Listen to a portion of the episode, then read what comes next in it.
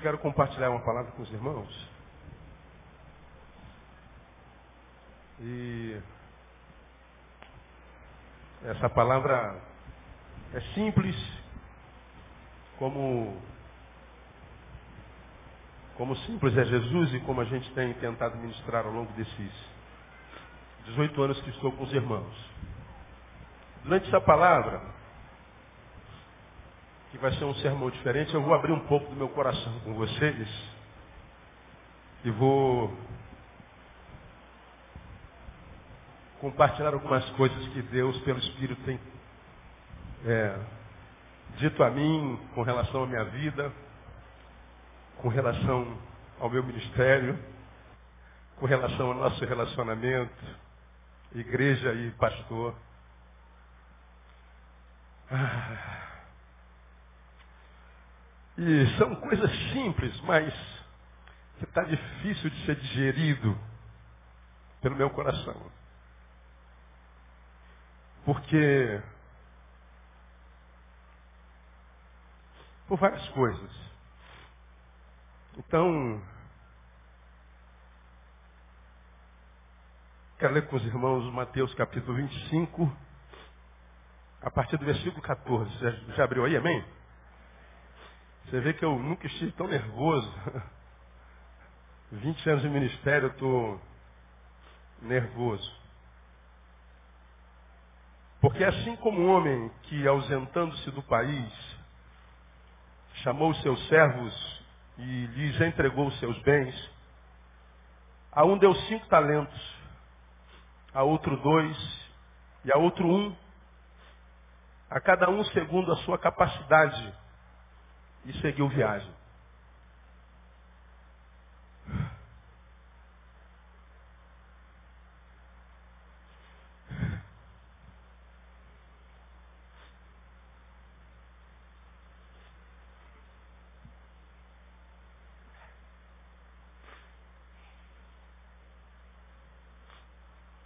Perdão, perdão.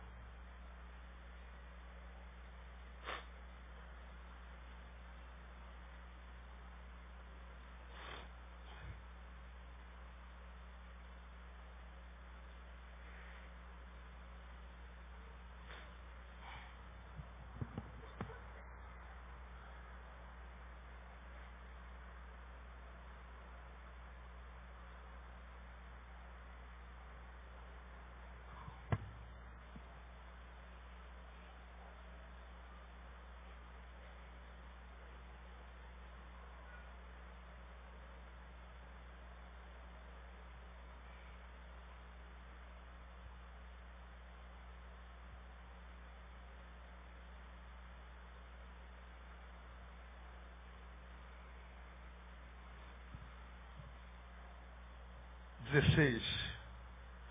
O que recebera cinco talentos foi imediatamente negociar com eles e ganhou outros cinco. Da mesma sorte, o que recebera dois ganhou outros dois. Mas o que recebera um foi e cavou na terra e escondeu o dinheiro do seu senhor.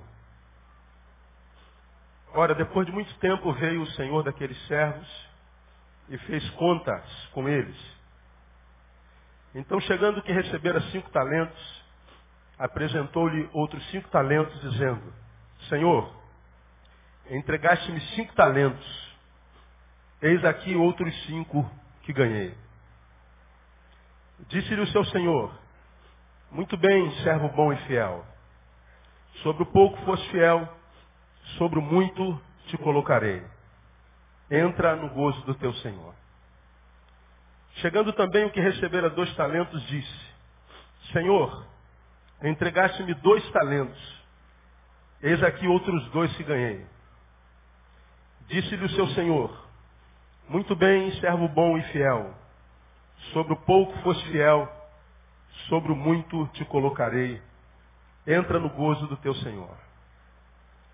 Chegando por fim, o que recebera um talento disse, Senhor, eu te conhecia, que és um homem duro, que ceifas onde não semeaste, e recolhes onde não joeraste.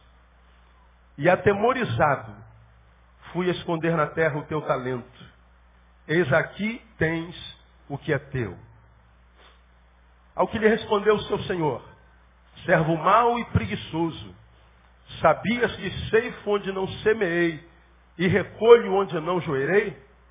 Devias então entregar o meu dinheiro aos banqueiros e vindo eu, tê-lo-ia recebido com juros. Tirai-lhe, pois, o talento e dai-o ao que tem os dez talentos. Porque a todo o que tem, dar-se-lhe-á, e terá em abundância. Mas ao que não tem, até aquilo que tem, ser-lhe-á tirado. Lançai o servo inútil nas trevas exteriores. Ali haverá choro e ranger de dentes. Parábola dos talentos. Ah, vocês conhecem bem essa parábola? E o tema que Jesus dá a ela é talento.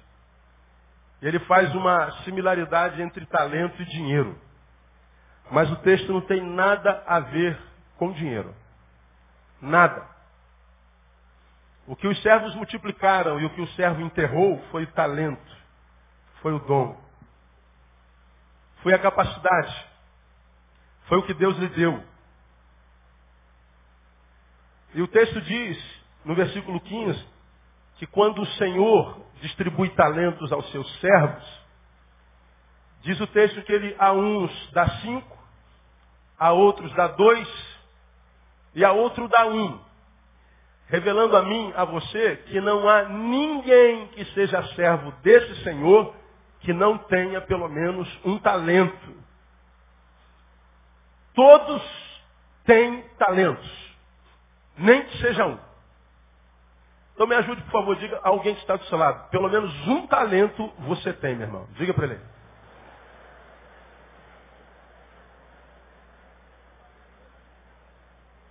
Não há ninguém inútil na obra de Deus. Os inúteis no reino de Deus estão aonde? Você já aprendeu? Do lado de fora. Se você é cidadão do reino, cujo rei é Deus, você tem talento. Mas esse versículo também diz o seguinte: Cinco para um, dois para outro, um para outro. A cada um segundo a sua o quê? Está escrito aí, lembra mim? Segundo a sua capacidade. Deus distribui talento em números quanto queira distribuir, e ele faz a proporção do que ele vê em cada um. Não há como humanamente falar que todos nós somos iguais em capacidade, nós somos diferentes em tudo, inclusive em capacidade. Tem gente que tem capacidade para um lado, tem gente que tem capacidade para outro, tem gente que tem capacidade para línguas, tem gente que tem capacidade para matemática, tem gente que tem capacidade para humanas, tem gente que aglomera um monte de capacidades, o QI é lá em cima. Deus distribui a cada um conforme a capacidade de cada um. O fato é que ele tem dado talento a cada um. Então não há ninguém entre nós ou no reino de Deus que não tenha talento. Uma outra realidade nesse texto é que independente da qualidade de talentos ou da quantidade de talentos que a gente tenha, Deus nos dá esse talento para quê? Está implícito aí. Para, não ouvir, multiplicar. E nunca para enterrar. Multiplicar. De modo que o que Deus quer de nós é evolução. O que Deus quer de nós é que a gente caminhe, que a gente vá, que a gente é, transcenda, que a gente multiplique. Então são, são, são verdades que estão implícitas e sobre as quais a gente não precisa dizer absolutamente nada. E assim foi. Todos têm talento, não há quem não tenha. Ele distribui segundo a capacidade de cada um. Todos que têm, sejam um ou sejam mil, o têm para que multiplique o que tem. Portanto, ele está dizendo que nossas capacidades podem ser desenvolvidas, porque se ele deu um para quem tem capacidade para um, ele está dizendo, não quer dizer que você vai ficar com essa capacidade una. Você tem capacidade para multiplicar isso. Então, melhore 100%. Tenha dois talentos. Melhore 100% você que tem cinco e transforme isso em dez. Então Deus está dizendo que a gente tem essa capacidade de, de, de, de, se tornar melhor, de ser melhor, de fazer mais, de, de ir mais adiante. Isso com todo mundo, com quem tem dez, com quem tem cinco, com quem tem dois, com quem tem mil, com quem tem um. E ele diz que isso é uma necessidade existencial, é para isso que ele nos dá talento. E diz mais, cada um trata o seu talento como quer. É individual. O Senhor entregou o talento e nos disse, olha, o que eu quero de vocês é que vocês trabalhem ao ponto que quando eu voltar, eu tenha o dobro do que lhes dei. Não, ele não deu ordem nenhuma. Ele deu o talento e foi embora. Não disse absolutamente nada, não deu diretrizes. Deu nada. A gente só sabe que tem multiplicar por causa do enredo da história. Mas não houve ordem. Cada um faz o que quer com o seu talento. O problema é de cada um individualmente. Cada membro do corpo faz com o talento e a função que tem no corpo o que quiser sabendo que todos nós daremos conta a Deus do talento que nos deu. Então, ele dá talento segundo a capacidade, todo mundo tem talento, cada um faz o que quiser com seu talento. E uma outra realidade implícita nesse texto é que o que fazemos com talento trará consequências boas ou más. Não há como passar pelo reino de Deus inconsequentemente.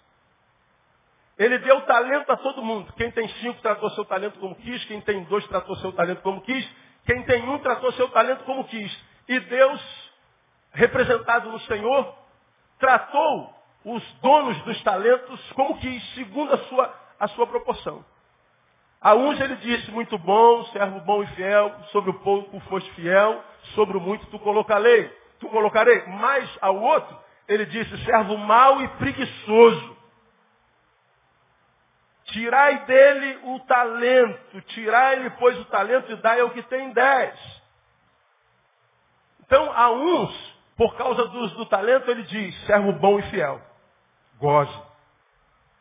Ao outro ele diz, servo mau e preguiçoso, vagabundo, tirai-lhe, não goze. Então não há como passar pelo reino de Deus e, consequentemente, é bom que nós aprendamos isso se a gente ainda não aprendeu. Então, cada um de nós vive a qualidade de vida que merece e cada um vive a qualidade de vida também a proporção do uso que a gente faz do nosso talento.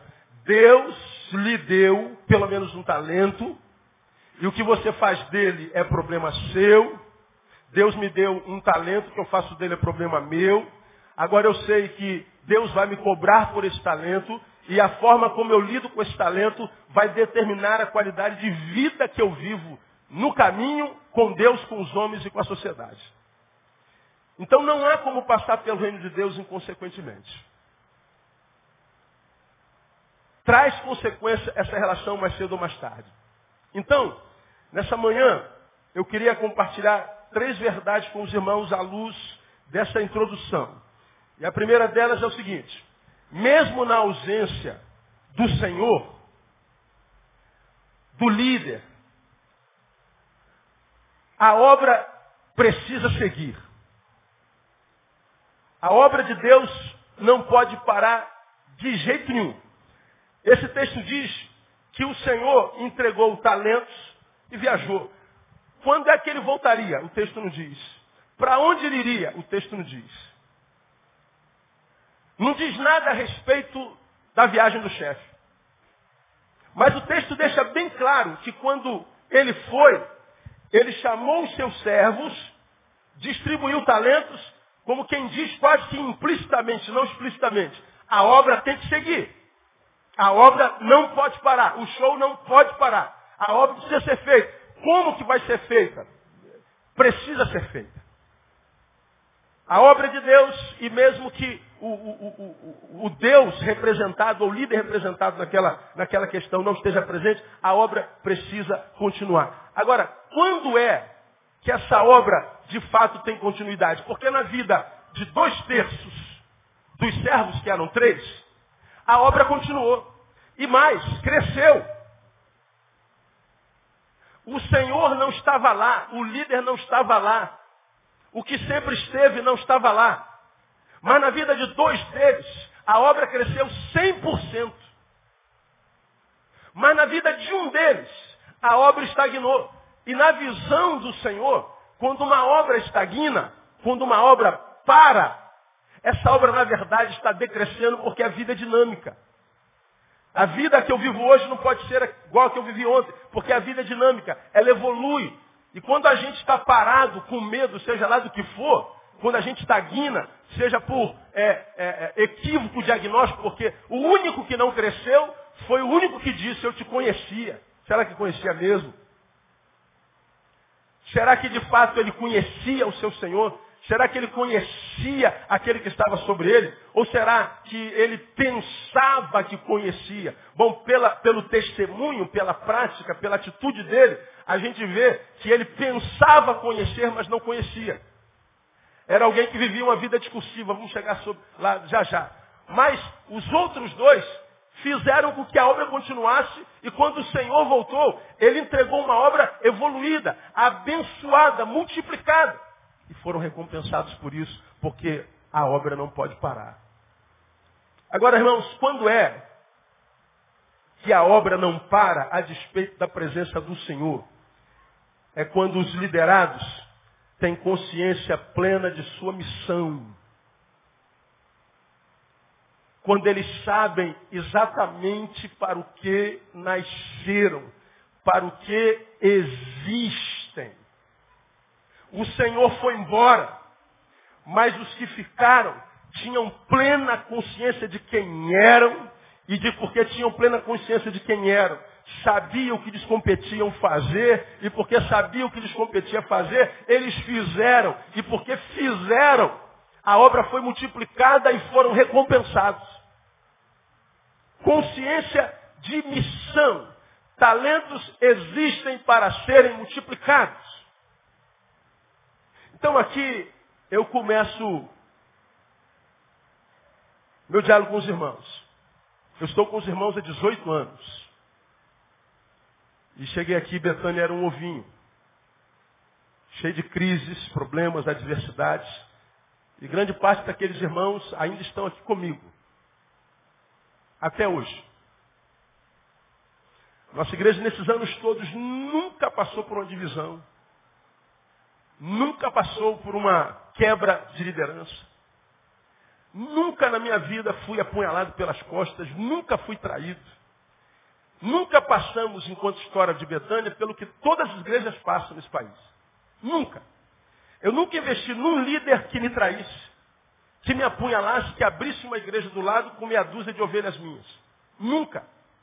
Nunca tive que fazer uma assembleia administrativa para excluir quem quer que seja mesmo aqueles que se levantaram contra a liderança. Nunca excluí ninguém.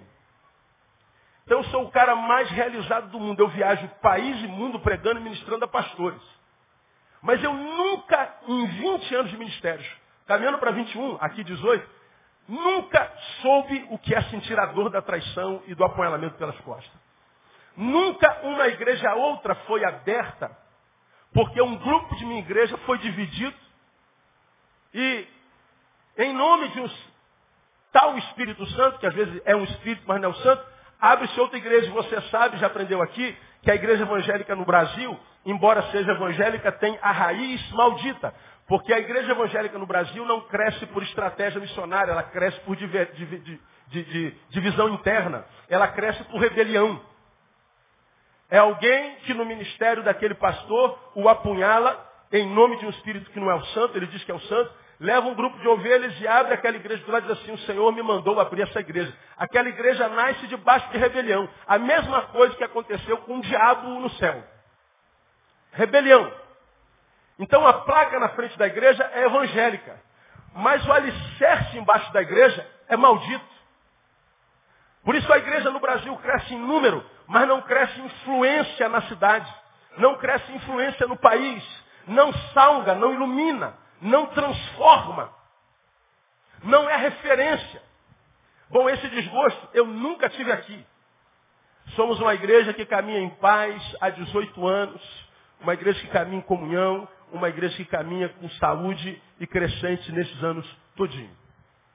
Pois bem, até aqui, Deus me tem dado talento para ministrar aos irmãos. E Deus me tem dado os irmãos, pessoas capacitadas para receber aquilo que como talento Deus me dá para compartilhar. Que vocês ouvem aqui, ah, pouca gente no mundo ouve. E porque ouvem o que vocês ouvem aqui, nem sempre tem noção ou valoração disso, não conseguem mais ouvir qualquer coisa. Vocês acabam, por causa do que houve aqui, se tornando crente chato. É verdade ou não é? Você não aguenta mais ouvir qualquer coisa. Você não aguenta entrar em qualquer lugar e ouvir qualquer palavra. E quando você entra, você se sente sem, sem, sem conforto. Você, meu Deus, será que o problema sou eu? Será que eu estou ficando besta? Será que eu estou ficando metido? Será que, meu Deus, eu não consigo ouvir o que. Porque o teu ouvido está abençoado com uma palavra de muita qualidade. Agora, por que, que você está aqui? Por causa daquilo que Deus me tem dado, que encontra eco em você, e que porque encontra eco em você, ela reverbera em mim, e nós nos retroalimentamos. Eu abençoo vocês, que abençoados me abençoam, eu abençoado abençoo vocês, e a gente vai vivendo em paz. Paz mesmo no meio das adversidades que a gente tem, porque não tem como ser igreja e não ter picuinha não ter fofoquinha, não ter discordância, não ter nhenhenhé, não ter eu tô triste, não ter eu tô magoado, não ter eu vou embora, não tem, não tem como não ter isso. Isso acontece na tua casa e você só tem dois filhos. Imagina aqui nessa multidão. Agora, nesses anos todos, eu tenho compartilhado com os irmãos com toda a dedicação da minha alma. Toda. Não há um trabalho que eu desenvolva no, no, no pastoreio que seja empurrando com a barriga de qualquer jeito. Não há uma vez que eu sente para preparar uma palavra, que eu esteja orando, que eu esteja administrando, que eu faça de qualquer jeito, sem planejamento, sem, sem amor, sem carinho, sem afeto, sem buscar o Espírito Santo. Tudo, tudo, tudo, tudo, tudo que eu faço na minha vida no ministério é sempre pela vontade do Espírito Santo de Deus e pela direção dele. No meu gabinete eu tenho uma pilha assim de pastas, duas, três páginas, de ministérios sugeridos pelos irmãos. Pastor, eu tenho uma ideia para ministério. Está aqui. Todas elas estão lá. Leio todas elas. Oro sobre cada uma delas. E todas elas estão ali, debaixo de oração, e leio frequentemente, esperando, a despeito da boa ideia que é, que o Espírito Santo diga assim, aí chegou a hora desse ministério. Tudo que a sua igreja faz, essa amplitude toda de ministério, quase todas elas saíram daí. Não saíram daqui da minha cabeça. A igreja tem um ministério impressionante. Todos se impressionam com a igreja. Todos. Brasil e mundo. Mas quase tudo que a gente faz aqui, as loucuras e as doçuras, quase todas elas nasceram daí. Foram implementados porque autorizei. Dei a direção, é, tracei o caminho, o projeto mas nasceram daí. E outras que vão nascer estão lá naquela pasta e quando o Espírito Santo fala, oh, isso aqui está em prática, eu pratico. Então, não há nada, meus irmãos, que eu tenha feito empurrando com a barriga. Nada. Sempre fiz de coração e estou falando com a mão na palavra diante de Deus que conhece os corações que vocês não podem conhecer. Tudo que vocês podem é imaginar, conhecer não. Então, acho que quando a gente faz de coração, Deus abençoa. Tudo que a gente faz, faz no sentido de trabalhar hoje para que amanhã nós sejamos melhores, para que a gente evolua, para que a gente desenvolva o talento. Pois bem, eu estou com vocês há 18 anos, caminhando para 19. Apaixonado pela igreja. Eu acredito que vocês todos amem a Igreja Batista Betânia. Posso ouvir um amém ou não? Chama a sua igreja, sim ou não? E eu acredito nisso. Mas eu duvido que qualquer um de vocês ame mais do que eu. Eu acredito que quase todos vocês talvez amem tanto quanto eu, mas mais do que eu não. Então ninguém está mais fincado aqui do que eu. Ninguém pensa mais isso aqui do que eu. Ninguém ora mais por isso aqui do que eu. E você sabe que eu não sou daquele que dizer que estou orando, que eu estou fazendo, que subi, que disse, não. Eu, eu, eu, eu, não falo da minha vida espiritual. Olhe para mim e veja. Então eu estou plenamente enraizado. Desde que a igreja era, era pequenininha, aqui estou. Desde que Neil era um pastorzinho pequenininho, ninguém conhecia, aqui estou. E tenho tentado estar em todos os cultos, todas as quartas, todos os domingos. Estou na igreja quase todos os dias. A despeito das minhas outras atividades, atendo gabinete pastoral quase todo dia. E atendo coisas grandes e coisas pequenas. Gente que chega no meu gabinete a despeito de saber da minha vida, senta na frente da minha mesa e fala assim, pastor, eu não sei nem o que, que eu vim fazer aqui. Eu só vim aqui para ver o Senhor de perto. Poxa, eu podia vir aqui depois do culto, né? Aproveitava, me dava um beijão, me dava um abração, arrancava até um fio de cabelo meu, um botão da minha camisa, levava para casa, né? botava lá. Mas toma lá o lugar de alguém que de repente está com um problema enorme, doido para falar comigo, não consegue, e vai lá. E eu atento com todo carinho, tem uma hora do meu tempo, todo, todo, todo, todo carinho. Sei que para alguns de vocês, o que eu faço é pouco. Alguns de vocês imaginam que eu vejo vale a pena ver de novo. Alguns de vocês acham que quando eu não estou aqui, eu estou jogando futebol em algum campo de society, de grama sintética, em algum lugar. Alguns de vocês pensam que quando eu não estou aqui à noite, eu estou dormindo às 8 horas. Não, eu não estou não, irmão. Acordo de manhã e durmo no final da noite. Não tem horário de 8 às 5. Eu trabalho de manhã, de tarde e de noite. Quase que de segunda a segunda. E a minha maior testemunha é Deus, a quem eu vou dar conta. E que conhece cada passo que eu dou no caminho, cada pensamento que passa pela minha cabeça e cada sentimento que passa pela minha cabeça. Então, tenho tentado estar aqui com, toda, com, com todo carinho. Faço minhas agendas, e as agendas que eu faço, não faço com o coração, faço por obrigação. Tentando alcançar a maior parte do reino de Deus sem sair daqui, tentando estar em todo ajuntamento. E nos últimos três anos eu estou numa guerra com Deus, numa guerra com Deus. Guerra, guerra, guerra, guerra. Porque a palavra que Deus me tem dado nos últimos três anos, Neil, eu tenho multiplicado os teus talentos. Eu tenho te levado onde eu tenho levado pouca gente nessa nação eu tenho te dado ver o que pouca gente vê. Eu tenho te dado a discernir no mundo espiritual o que pouca gente discerne. Eu te tenho te levado em lugares onde poucos chegaram. E não tem nada a ver com dinheiro, com posição, não tem nada a ver com isso, irmão. Nada a ver com isso. Deus está falando comigo de espiritualidade. E eu sei que Deus tem feito isso. E eu tenho certeza que vocês também estão sabendo disso. Estão vendo o que Deus está fazendo na minha vida e na vida da nossa igreja.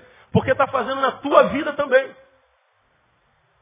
O que Deus tem feito? Numa igreja do subúrbio que está na frente da favela, que não tem ar-condicionado, não tem estacionamento, não tem estrutura física para nada, mas olha aqui, ó.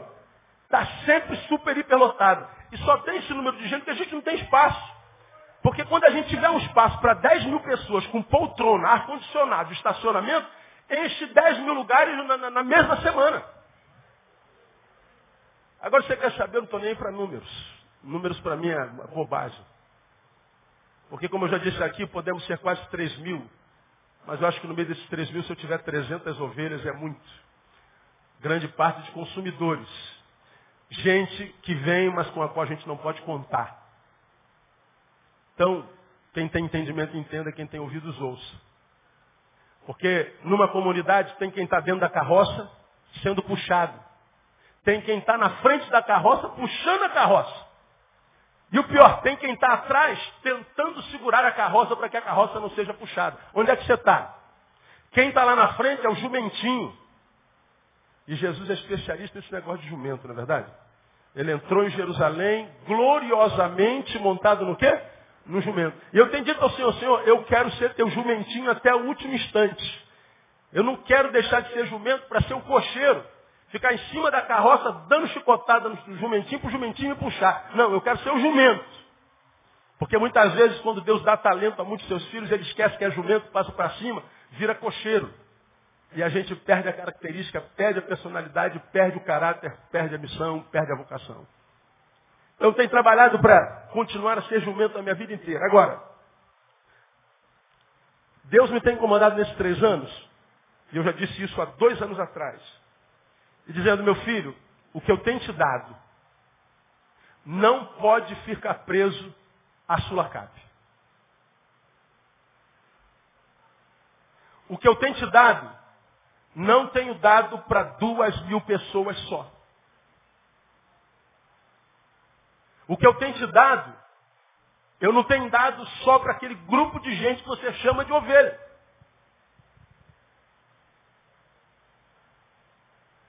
O Brasil, o mundo, minhas ovelhas, precisam conhecer o que eu tenho te dado.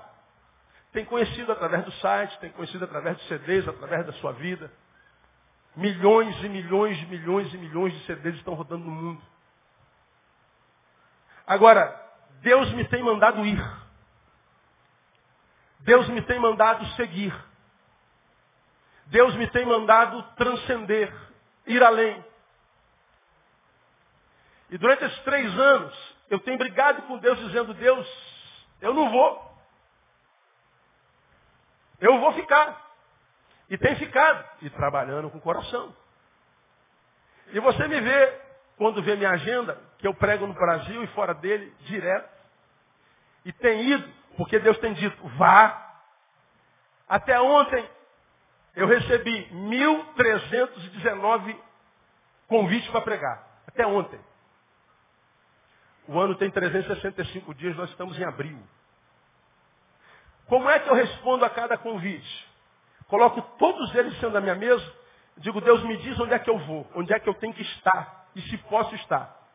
E os convites que eu vou respondendo, vou respondendo de acordo com o que o Espírito Santo me mostra. Aí tem vezes que eu estou no congresso que tem 10 mil pessoas.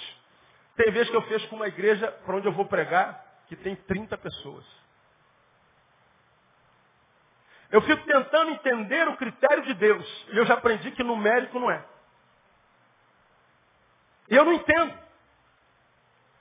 Agora esse texto me abençoou muito essa semana, porque diz que o Senhor dá talento e diz, não é problema seu, meu filho, saber todas as coisas. O Senhor não disse para onde ia quando voltava e nem disse a eles o que tinha que fazer. Só deu um talento e diz, multiplica e pronto. Então eu não tenho que saber em qual igreja que eu tenho que pregar, quantas pessoas eu tenho que alcançar, onde é que eu tenho que ir, eu só tenho que estar disponível para Deus. Só isso. E aí, como aconteceu em março, eu preguei no congresso para 15 mil pessoas. Quando, como aconteceu agora quinta-feira, eu preguei para 40. No interior da Bahia, lá no finzinho da Bahia. Num lugarzinho pobre. E chega o famoso Neil. E eu entro naquela igrejinha de, de, de de aquela lona preta, plástico preto de teto, preto ao redor, e uma estrutura de madeira. Lotada, super hiper lotada. E eu digo, Deus, o que, é que eu estou fazendo aqui nesse, nesse barraquinho do Senhor? E o Senhor disse assim, você veio aqui para ministrar ao meu povo. Então ministra a essas 40, 80 pessoas, como quem ministra para 1.500 com a mesma unção, com a mesma capacidade, com a mesma alegria. E eu prego com a mesma unção, com a mesma capacidade, com a mesma alegria. Agora, por que, que eu posso estar naquela igrejinha de 30, 40 anos? Porque eu não cobro para pregar, irmão. Nós não conseguimos mais um pastor renomado, abençoado, que tenha, aspas, unção, ou que tenha capacidade de preparar um super sermão, se a gente não pagar pelo menos 5 mil reais. A igreja virou um comércio desgraçado. A igreja pobre no Brasil não tem mais direito aos profetas que Deus tem abençoado no Brasil. Pega o pastor famoso que você ama e adora, idolatra. Liga para lá, para a secretaria, diga que você é de alguma igreja qualquer e pergunta quanto é para trazê-lo à sua igreja, você vai se assustar. E o que, que Deus tem falado comigo, meu filho? Eu não tenho mais como usar os famosos, os poderosos, os grandes, porque os grandes não falam mais com os pequenos. Os grandes enriqueceram, não falam mais com os pobres. Os grandes foram morar nas coberturas e não entram mais nas favelas. Então, como você ainda não se vendeu para mamon, eu quero te usar nesse país e nesse planeta no nome de Jesus. Eu entendo isso com toda a minha alma. Mas qual é a minha dificuldade? Eu sou pastor de uma igreja local. Eu sou pastor aqui. Quando eu não venho à igreja, se eu falar que não venho, vocês não vêm. Se eu falar, domingo eu não estou na igreja, a frequência cai 50%. Se eu falar que não estou quarta-feira, a receita cai. Você não sai de casa. Todo culto ligam para mim 30 vezes. Quarta-feira de tarde eu recebo 30, 40 telefones. Pastor, o senhor está na igreja hoje? É o senhor que vai pregar? É o senhor que vai. É o senhor. O senhor está aí? O senhor está aí? Domingo de manhã me ligam para casa 6 horas, 7 horas da manhã. Pastor, o senhor está na igreja hoje? É o senhor que vai pregar? À noite o senhor está aqui? Cara, o tempo inteiro. De uma forma, certa forma, demonstra carinho, mas de outra forma demonstra meninice.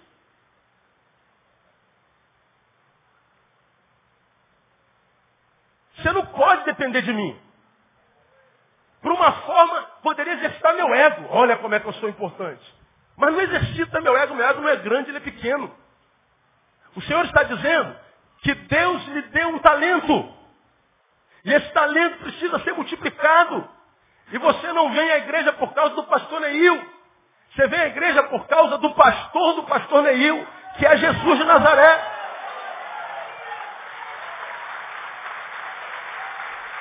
Ou pelo menos deveria ser. Então escute, eu sei que alguns de vocês, os que amam, já estão assim, ó, meu pastor vai embora. Não tem alguns de vocês pensando assim? Pastor Neil vai deixar Betânia. Pois é, irmão. É... Ir ou ficar vai depender de vocês. Durante três anos Deus tem me dito, eu vou te levar. E alguns anos atrás, eu recebo convites de outras igrejas todos os anos, várias vezes. Alguns anos atrás recebi um convite dos Estados Unidos que pagavam meu peso a ouro para pastorar os Estados Unidos. Eu compartilhei com vocês esse negócio. Eu nem fui visitar a igreja. Eu nem fui lá. Dobraram o valor. Ainda assim, lá não fui. E eles escreveram, não tem como recusar uma proposta dessa. Eu falei, tem, tanto é que eu estou recusando. Vocação não tem a ver com dinheiro. Eu estou aqui, no subúrbio do Rio de Janeiro. Numa igreja quente, em frente a uma favela, lidando com pobres. E apaixonado pelo meu ministério e pela minha vocação. Então o que me move, escutem, falo como quem fala para quem é de Deus. E diante do Deus que nos salvou, não é o dinheiro que me rege.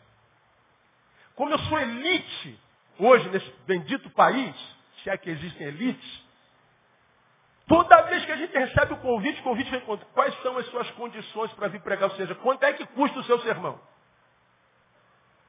Se eu deixo Betânia e vivo só de conferência, cada dia no estado, cobrando dois mil reais para pregar, mil reais, eu ficava rico, irmãos. Só que o salário de um federal desse aí, famoso de televisão, por mensagem, é 5 mil, 10 mil reais. Eu poderia pregar três vezes por dia, todo dia, o ano inteiro. Mas não, eu estou aqui, na minha igrejinha, com o mesmo salário que eu recebia em 1997.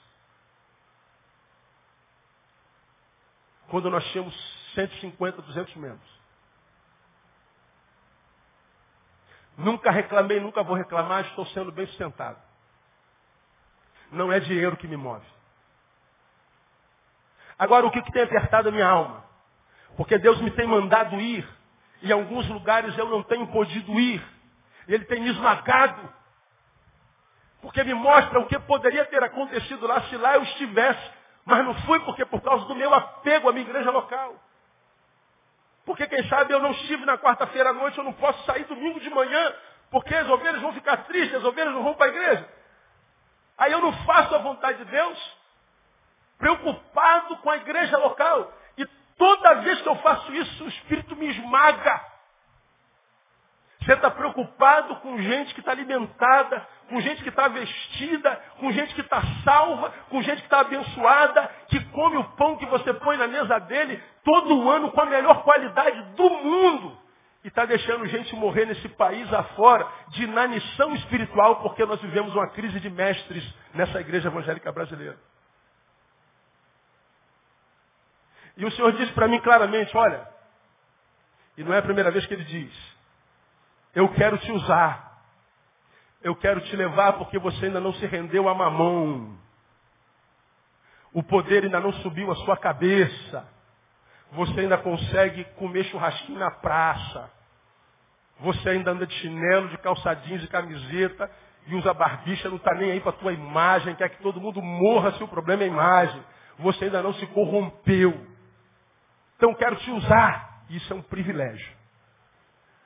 Agora, eu vou te levar enquanto você me obedece, te deixando em Betânia.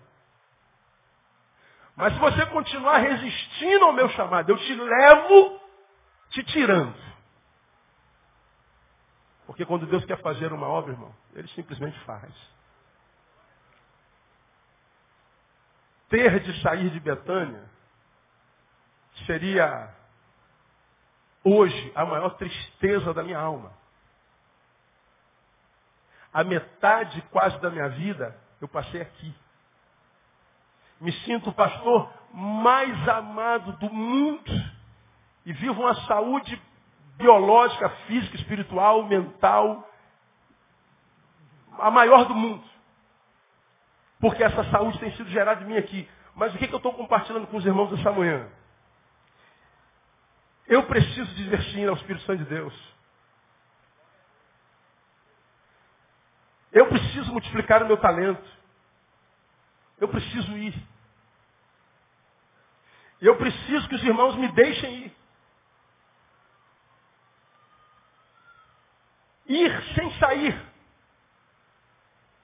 Meu esforço para estar aqui todo domingo, toda quarta será o mesmo. Mas eu queria muito que quando você chegasse aqui não me visse ao invés de emprestar essa língua o capeta, para inventar história, para rogar praga contra mim, para dizer que eu sou relapso, que eu estou abandonando o ministério, pensa, se eu não estiver aqui, ainda assim eu estou prestando um serviço ao reino, porque o reino de Deus é maior do que a igreja local. E se você não entender isso, é porque você ainda não compreende a sua missão. Você ainda não tem visão de reino. Você ainda tem visão de consumidor. Que quer aquele homem só para si, que quer aquela palavra só para si, que quer aquela ministra de louvor só para si, que quer é, é, ter esse, esse palavrão que você tem todo domingo só para si, sem se preocupar com essa multidão de gente que está morrendo da missão espiritual no mundo. Então, quando você não me vira aqui, você está sendo servido, irmão, por exemplo, por gente como o pastor Isaías. Benção ou não? Amor de Deus, irmão. Você está sendo servido por gente como o pastor Denilson, benção ou não? Pastor Cesarino, pastor Ricardo e todos os outros pastores que tem aí. Você tem uma, uma, uma, uma equipe pastoral capacitada para te abençoar tanto quanto eu ou mais do que eu. Mas eu entendo, existe essa relação de filho e pai. Essa relação de pastor e ovelha, eu sou quem prega todo dia. Eu sou quem ministra, sou eu quem atingiu aquele problema que você tinha quando chegou aqui. Meu sermão é, é espiritual, mas profundamente humano. Eu consigo ver, falar o que pouca gente consegue ver e falar. Impressiona, abençoa, cura, liberta. Mas eu queria muito que agora, abençoado, curado, liberto, você me liberasse um pouquinho para que eu pudesse curar, libertar e salvar muito mais gente que não está aqui na sua casa. É difícil de entender isso, minha igreja, meio ou não? Eu acho que não é difícil. Pois bem, o que eu vou dizer aos irmãos é o seguinte. Esse ano você vai me ver saindo mais ainda. E eu saio na certeza de que eu estou coberto. Na certeza de que tem gente me cobrindo. Eu não estou deixando a coisa principal, pelo contrário, eu estou priorizando. E a coisa principal É desenvolver o talento, é o dom, é compartilhar, é ir além. É romper a, o, o, lacre geográfico que nos prende, o lacre emocional que nos prende, o apego que nos prende. Ir além na mão do Senhor, dizendo, Senhor, eis-me aqui, envia-me a mim. E o Senhor está dizendo, meu filho, eu vou te levar a lugares longínquos. Longínquos. Isso não é geograficamente só falando, isso é espiritualmente falando. Eu posso sair daqui para pregar aqui em Xerém. E é um lugar longínquo. Como eu posso sair daqui para pregar em Manaus. Mas ele está falando da profundidade, da grandeza do que ele tem revelado, do que ele quer fazer no Brasil, do que ele quer fazer no mundo. E o mundo está olhando para esse lugar, embora você não saiba disso, o mundo está olhando para esse lugar, gente. O que Betânia é no mundo hoje, você não consegue dimensionar, você não tem noção. Porque a maioria de nós é bairrista. Acha que conhece ao Senhor, acha que conhece, não conhece. Eu sei do que, eu estou falando. Então, o que eu estou compartilhando com os irmãos é, me permitam ir além das paredes da Igreja Batista Betânia. Me permitam ser um pastor do reino de Deus. Porque Deus está me dizendo assim, meu filho, compartilha com a sua igreja. E dependendo da reação da sua igreja, o seu futuro está traçado. Fico, se você quiser que eu fique. Vou, se você não conseguir suportar sem mim um domingo ou outro. Portanto, o que eu estou dizendo nessa manhã, o meu futuro, a nossa relação, está na sua mão. Igreja. Portanto, se eu tenho algum inimigo aqui, eu não conheço. Se eu tenho algum desafeto, eu não conheço. Se eu tenho algum grupo contrário, eu não conheço, nunca tive isso, graças a Deus. É a sua chance de me derrubar. É a tua chance de falar assim, vou tomar o lugar do pastor Neil. É a tua chance de falar assim, agora eu quebro essa igreja. É a tua chance. Agora é também a tua chance. De quem? Daquele que ama o pastor, independente da presença dele ou não. Daquele que é grato ao Senhor pelo pastor que tem. Daquele que é grato ao Senhor pelo que o Senhor faz na sua vida nessa igreja. De você retribuir o que você tem recebido de mim ou de Deus através do púlpito de estender a sua mão sobre minha vida, sobre minha casa, minha família, e dizer, Deus, meu pastor não está no púlpito nesse domingo, mas eu sei que se ele não está aqui, ele está em algum púlpito dessa nação, ministrando a mesma palavra que ele ministraria aqui. E da mesma forma como eu o abençoaria estando aqui, eu estendo a minha mão e eu o abençoo onde quer que ele esteja, no nome de Jesus. Eu queria muito que os irmãos me, me permitissem fazer isso. Alguns colegas sugeriram, Neil, tira um ano sabático. O que é ano sabático? Pede a licença de um ano da igreja. Seis meses. Deixa lá na mão do vice-presidente. E vai ministrar sobre o Brasil. Falei, cara, se eu ficar seis, seis meses sem vir à minha igreja, eu acho que a minha igreja deixa de ser minha, meu povo deixa de ser meu. Porque comunhão pressupõe presença. Tete a tete, face to face. Eu não vou tirar licença nenhuma. Eu vou continuar aqui. E vou tentar estar aqui todos os cultos que eu puder estar. Mas se eu não puder estar, eu quero que você saiba onde é que eu estou. Eu estou pregando em algum lugar. E a forma como a igreja reagir, a forma como os pastores reagirem, vai determinar a minha presença, a minha continuidade em Betânia ou não. Daqui saem vários comentários. Cada um de vocês vai dizer o que quiser. Agora, quando você for dizer o que quiser, eu quero que você saiba algumas coisas. Primeiro, eu repito, eu não cobro para pregar. Alguns lugares eu vou pregar, me dão a passagem, mas não dão nem o almoço. Quanto um caso para o irmão. Preguei no Acre ano passado. Pastor, quanto é a sua mensagem? Não é nada, irmão. Eu só peço passagem em um lugar que eu possa dormir sozinho, que não tem ninguém dentro de preferência, né? Ah, então tá bom. Como a igreja evangélica no Brasil não é generosa, ela é miserável, e é por isso que ela oferta. Ela oferta 10 para ganhar 20. Isso é materialismo. Uma igreja materialista não é generosa em abençoar. Ela é generosa em pedir. Fui pregar no Acre. Preguei. O Acre é um um estado pequeno e a capital é pequena, veio o prefeito, o, estado, o governador veio, veio um monte de deputados, os pastores, todo dia que estava lá, todo mundo lá, foi uma bênção tremenda, todo mundo ficou impactado, ah, com a palavra, pastor Neilson, uma bênção, uma bênção, uma bênção, eu escuto isso o tempo inteiro. Foi enjoado de ouvir isso. E foi tremendo, pastor, vamos marcar sua outra vinda. Fui convidado para pregar lá no, no, no congresso deles, na, na, na, Câmara de Vereadores. A agenda não deu, mas o convite veio. Vem, vem, vem, senhor, benção, benção, benção, benção. Pois bem, fui dormir na casa de alguém que era o líder da igreja. O pastor me botou num quartinho no fundo da casa. Quartinho arrumadinho, só que telha de amianto. O Acre é mais quente que aqui duas vezes. Era verão. E eu estava num quartinho com um ventiladorzinho desse tamanho. Sem problema nenhum. Não dormi, mas fiquei deitado a noite inteira. Mas esse não é o maior problema. Eu vou ao banheiro pelo menos três vezes por noite. Eu não tenho sono pesado. Eu e cama não nos damos bem. Eu não sou bom de cama, não durmo demais. Então, meu sono é leve. Jogou um clipe eu acordo.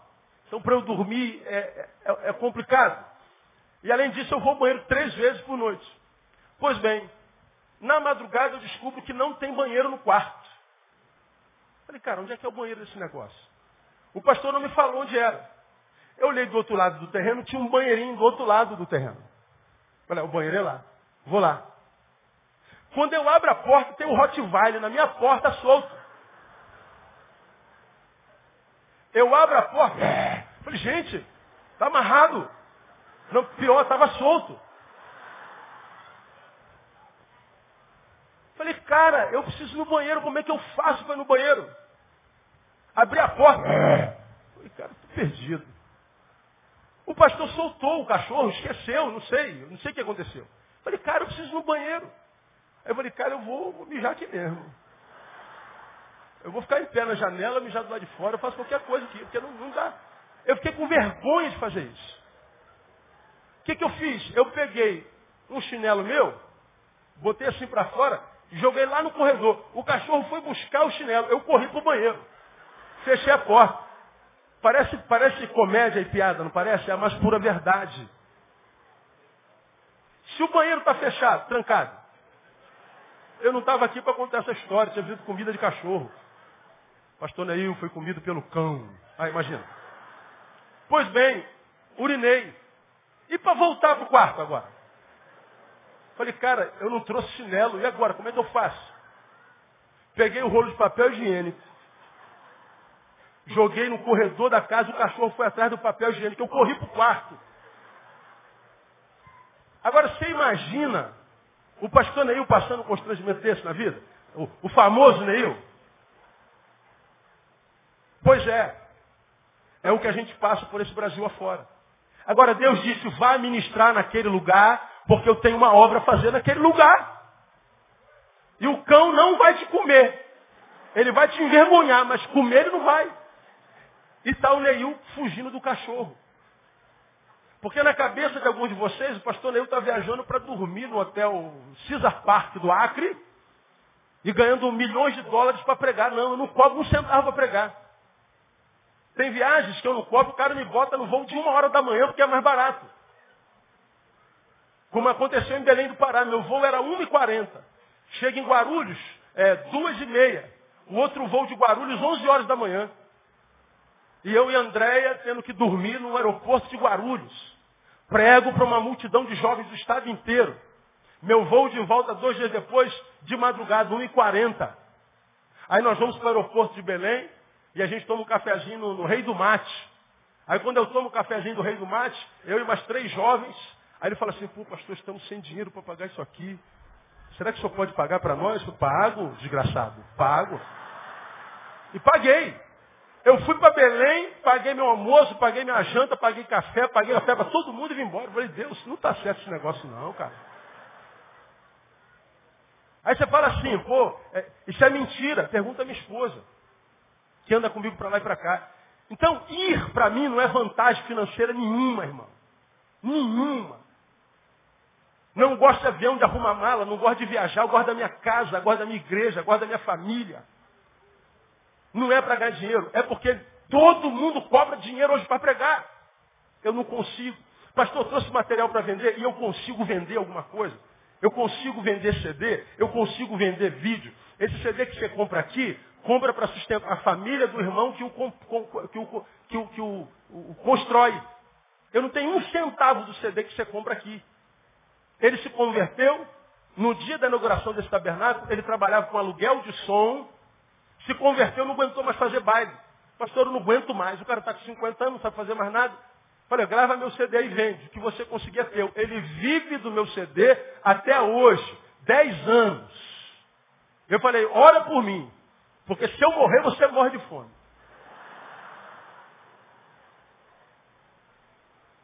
Eu não tiro um centavo, eu não sei vender nada. Eu não consigo vender uma palavra que não é minha. Aí você fala assim, pastor, você é muito bobo. Sou bobo mesmo. A luz do mercado gosta, eu sou um idiota. Agora, o que eu posso fazer se Deus usa idiotas? Se Deus usa jumentos? Se Deus usa imbecis como eu? Agora, por mais idiota que eu seja, eu não sou idiota de não reconhecer a graça de Deus na minha vida, a sabedoria que Ele me tem dado e a capacidade de comunicação que Ele me tem dado de falar a linguagem dessa geração. Então, meu irmão, eu estou pedindo a você, quando você não me vir aqui, não amaldiçoa seu pastor. Diga, Deus abençoe o meu pastor onde quer que ele esteja, minha agenda. Está no site.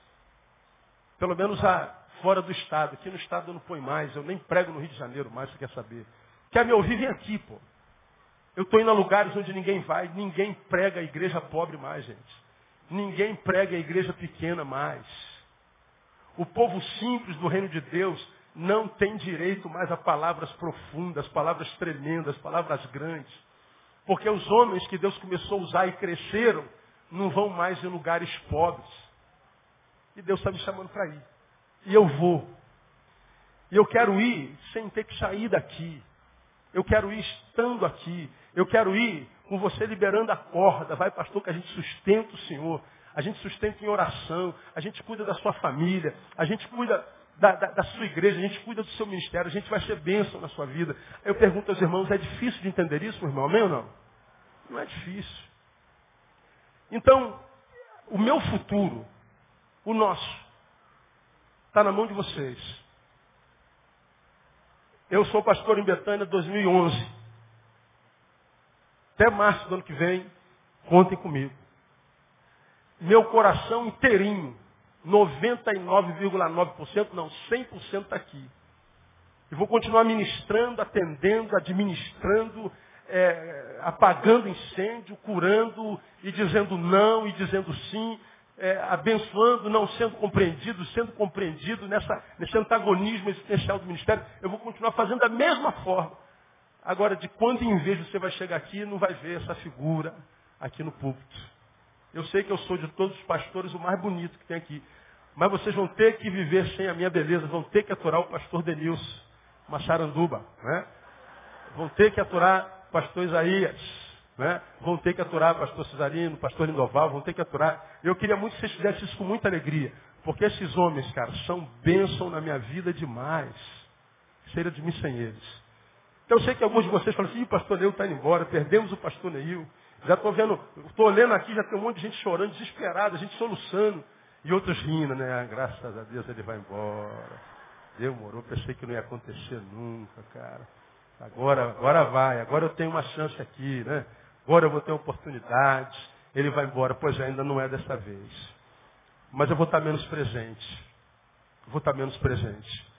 Fisicamente, mas presente no espírito, durante a semana, durante o dia, durante a tarde, mas ministrando nesse país afora. Então você vai me ver saindo, mas fazendo a mesma coisa que eu faço aqui. E dependendo do que vocês se tornem e da forma como me tratem ao longo dos anos, vai revelar para mim e para nós se a nossa vida continua ou não. Porque só se caminhar junto, dois, se estiver de acordo. Se eu perceber que a gente não está conseguindo mais se entender, eu não quero ser maldição na vida da minha igreja jamais. Não quero ser problema na vida da igreja jamais. Quando eu começar a ser problema para essa igreja, eu sou o primeiro a falar, estou indo embora, Deus com certeza tem alguém para esse lugar aqui. Então, meu irmão, eu quero reafirmar o meu amor, minha fidelidade, meu carinho, minha vocação, o meu chamado para esse lugar.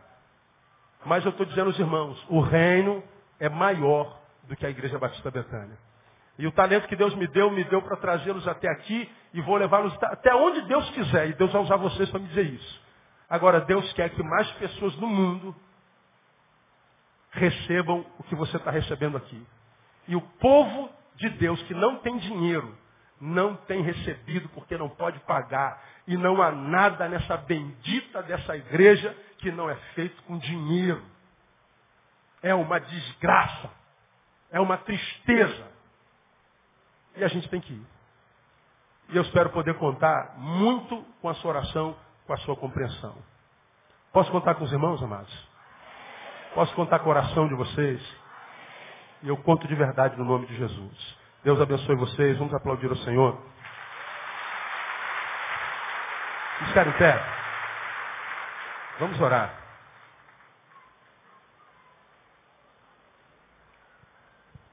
Faltam Dez minutos, vamos atrasar um pouco, mas vamos celebrar a ceia assim mesmo.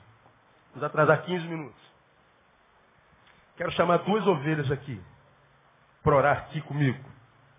Quem quiser. Quero alguém que saia lá de trás, do, da, da, mesa de som para lá. Uma ovelha que esteja da mesa de som para lá que possa vir aqui orar comigo. E uma que esteja da mesa de som para cá. Vamos orar o Senhor. Você está sentado aonde? Aqui, vem cá. Um que vem lá de trás. Vem cá. Disse para alguém com quem me reuni nessa semana. Pastoreando, ensinando. Falei para ele, pastor, o que acontece numa reunião não é importante. O que é importante? Importante é o que acontece depois que a reunião acaba. Então tem visto muitos ministérios acabando, vive de reunião, reunião, reunião, reunião, reunião, reunião, reunião, reunião, reunião. E quanto mais tenta se entender, mais racha. Porque muitas vezes a tal da democracia nada mais é do que o meio pelo qual se dá voz ao joio. Numa reunião, Dá-se voz a qualquer um, geralmente quem fala é quem não é igreja, é quem é joio. Então o que acontece numa reunião não é o mais importante, o mais importante é o que acontece quando acaba a reunião. Então o que aconteceu aqui não é importante. O importante é o que vai acontecer quando o culto acabar. O que, vocês vão espalhar. Que, que vocês vão dizer. Já estou preparado para receber e-mails amanhã. Eu estou sabendo que você se despediu da igreja ontem. Estou sabendo que você recebeu uma proposta milionária para ir embora. Já estou já vendo as manchetes dos jornais no meu e-mail. Pelo que vocês vão dizer, pelo que vocês vão reproduzir. Onde vocês vão mentir, distorcer tudo que eu disse. Mas eu sei que a maioria de vocês vai reproduzir exatamente o que eu disse aqui. Que eu amo a minha igreja, que eu tenho prazer em ser pastor dessa igreja, que não há igreja onde meu coração esteja plantado como essa aqui, que eu tenho certeza que a vontade de Deus, que aqui é meu lugar, que é aqui que eu quero ser e fazer para Ele. Mas que também Deus está me chamando para ministrar para um povo que não tem tido o que você tem aqui. Você está gordo espiritualmente. Tem gente que está vivendo de inanição. E que tudo que eu pedi foi que você orasse por mim e me cobrisse. Que me ajudasse não dando problema, pelo contrário, sendo a solução para ele pedindo a você que, se eu abrir a boca não for para abençoar, não amaldiçoe. Se não for para construir, não destrua o que está aí. Se não for para caminhar nessa visão, procure um lugar onde você tem uma visão pra, com a qual caminhar. Mas não venha desconstruir. Porque vocês vão ver que, mesmo na minha ida, sem sair, como Deus vai abençoar esse lugar. O Senhor foi os que ficaram tinham consciência da missão, multiplicaram o talento. Eu quero profetizar, irmão, que esse ano é o ano da multiplicação na nossa vida, no nome de Jesus. Guarda bem o que você tem hoje. E quando chegar no final, recebe essa palavra como profética. Olhe para trás, você vai ver como você dobrou a tua vida no nome de Jesus. Toma posse disso aí. Como Deus vai te usar, usar dobradamente, como Deus vai multiplicar o que você tem duas vezes. Esse é ano da multiplicação. Porque mesmo que o chefe vá, quando os liderados têm a consciência da missão, o talento se multiplica. É o que eu espero ver acontecer na nossa igreja. Vamos orar ao Senhor. Curva a sua cabeça e vamos orar ao Senhor. Pai, o que te dizer, Senhor, num momento como esse, sem deixar que os nossos sentimentos, Pai, nossas emoções venham a interferir no nosso culto racional Senhor. Oh Deus, que a tua igreja, Pai, possa perceber que a maturidade, Pai, quase na sua totalidade, ela só vem quando nós temos o sentimento de perda. E talvez o que o Senhor mesmo esteja querendo tratar, Pai, não seja tão somente com o pastor Neil, e nem tão somente com a sua igreja, mas que eles possam perceber, que nós possamos perceber, Senhor, que o Senhor trata os dois juntamente. Ô oh, Pai, e talvez nós tenhamos tão, tão tanto quanto o pastor Neil, quanto nós como ovelhas, talvez tenhamos caído na nossa zona de conforto, Senhor. E o Senhor venha nos incomodar nesse momento a tomar uma decisão como essa, de estar nos afastando, mas que nós tenhamos a consciência de que é o afastar, Pai, e não do perder, que seria ainda mais doloroso. Senhor, que se for para abençoar o teu filho, Pai, que se for para amadurecê-lo, se for para levar a palavra para outras pessoas que não te conhecem, ou que se for para amadurecer outras pessoas, Senhor, que ele possa ir tranquilo, Pai. Que ele possa ter a consciência, Pai, que essa igreja o abraça e o ama e o abençoa, Senhor, independente de onde ele esteja. Oh Deus, eu particularmente tenho uma experiência de ter me afastado desse lugar durante dois anos. E foi muito duro, Senhor. Porque o Senhor estava ali comigo, o Senhor sabe. O pastor Neu também tinha consciência disso. Ô Pai, e eu consegui multiplicar, Senhor. E eu vejo, às vezes, amigos, Pai, que não tiveram a coragem de se afastar um pouco. E às vezes vão perdendo, Pai, a sua capacidade de andar.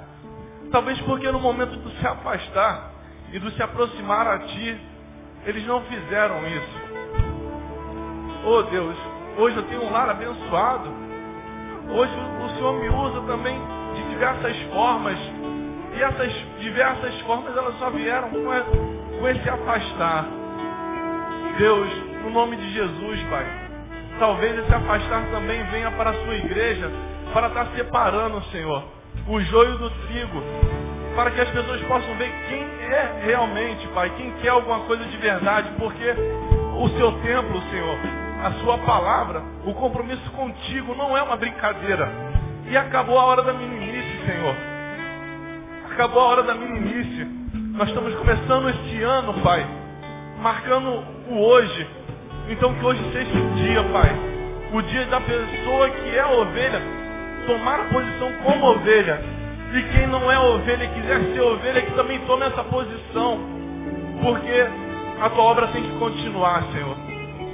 Oh Deus, no nome de Jesus, como sacerdote teu, Pai, como o Senhor me escolheu, através da sua igreja, Pai, como, como voz da sua igreja, eu abençoo o pastor Neril, Pai, no nome de Jesus, e que nunca falte, Pai, a tua palavra, o teu entendimento na mente dele, no coração dele, que a sua luz, Pai, nunca se apague, Pai, no coração dele.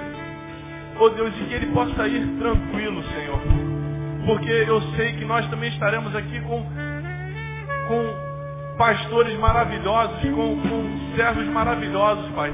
Que possamos também aprender a lidar irmão com irmão e tirar um pouquinho, Pai, desse fardo que às vezes os pastores seguram sozinhos. Oh Deus, eu não tenho muito mais o que falar porque agora é o momento de decisão, não é de ficar falando. Mas é do fundo do meu coração, Senhor que eu te peço, Senhor, que o Senhor seja conosco nesse momento tão importante. No nome de Jesus. Amém. Senhor, na tua presença estou aqui pedindo por todos nós, Senhor. Que essa palavra, Senhor, seja ouvida para quem quer ouvir. Que o querer efetuar venha, Senhor, de ti para transformar essa igreja como todos que estão aqui como missionários, Senhor. Que essa consciência que foi pregada aqui, foi passada, Senhor, como canal de bênção, que é o Neil, que ele, Senhor, seja esse canal de bênção para o mundo inteiro. Você sabe o quanto ele luta contra isso, Senhor. Dá, Senhor, discernimento a cada um aqui que é servo e fiel a Ti.